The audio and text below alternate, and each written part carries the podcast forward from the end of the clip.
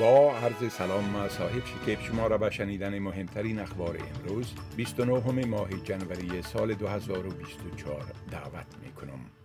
کریس مینز صدر اعظم نیو ساوت ویلز شرکت کننده ها در تظاهرات نازی های جدید در سیدنی را محکوم کرده و مفکوره آنها را یک ایدئولوژی زهراگین خوانده است. پلیس برای سه روز متوالی تجمعات مردان راست افراطی را که لباس سیاه پوشیده و رویشان را پوشانده بودند متلاشی ساخته و یک دستور مسئولیت عامه را صادر کرد که آنها را از داخل شدن به جاهای عمومی منع می کند.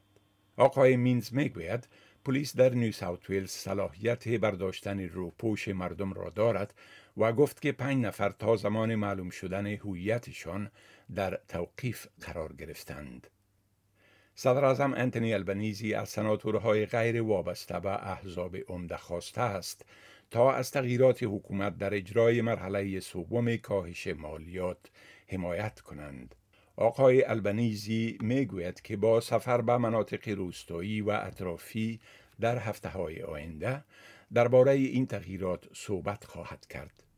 اجرای تغییرات حکومت البنیزی عمدتا به نفع مردم با درآمد پایین در مرحله سوم کاهش مالیات مستلزم تصویب مجلس سنا می باشد اما صدر اعظم گفته است که اطمینان دارد که این اقدامات تصویب خواهند شد جکی لمبی سناتور مستقل می گوید که برای کاهش فشار مخارج زندگی بر مردم عادی استرالیا باید اقدامات بیشتر انجام شوند.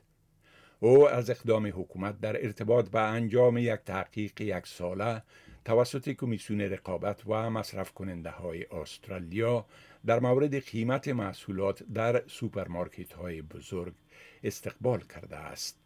اما خانم لمبی به Channel نه گفت که باید کارهای بیشتری برای کمک به مردمی که از بسیاری جهات با مشکل مالی مواجه هستند انجام شود و از جمله مخارج مردم برای مصرف انرژی کاهش داده شود. فعالان حقوق زن افغانستان به خاطر دعوت زنان به نشست ملل متحد در مورد افغانستان که قرار است به روزهای 18 و 19 ماه فبروری در قطر برگزار شود ابراز خوشنودی کرده و از شرکت کنندگان در آن خواستند که با طالبان روابط نداشته باشند و حکومت این گروه را به رسمیت نشناسند. این فعالان تحت چتر اتحاد ملی زنان افغانستان در اعلامیه وضعیت کنونی برای مردم افغانستان در مجموع و به خصوص وضعیت زنان را یک تراژدی حقوق بشری توصیف کردند. در اعلامیه از اعضای سازمان ملل متحد خواسته شده که به رسمیت شناختن طالبان را تحریم و برای آوردن فشار بر آنها و منزوی ساختنشان تعذیرات جدید و شدیدتر وضع کنند. اردن حمله تیارات بی سرنشین بر پرسونل دفاعی ایالات متحده امریکا در داخل خاک خود را محکوم کرده و می گوید که با ایالات متحده برای تأمین امنیت سرحدات و مبارزه با تروریسم همکاری می کند. جو بایدن رئیس جمهور امریکا گروه های شبه نظامی تحت حمایت ایران را مسئول این حمله دانسته که در آن سه نظامی امریکایی کشته شدند. مقامات ایالات متحده می گویند که حداقل 34 پرسونلشان به خاطر بررسی جراحات احتمالی ضربه مغزی معاینه می شوند.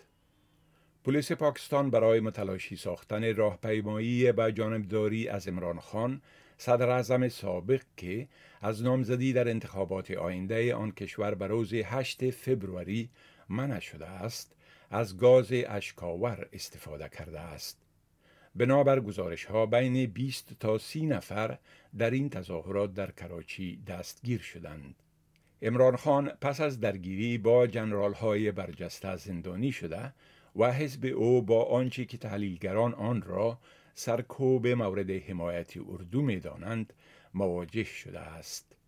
این بود خلاصه ای از مهمترین اخبار از برنامه دری اسپیس آدیو. شما می توانید گزارش های بیشتر درباره موضوعات گوناگون را در وبسایت ما به آدرس sbs.com.au دری بشنوید و بخوانید.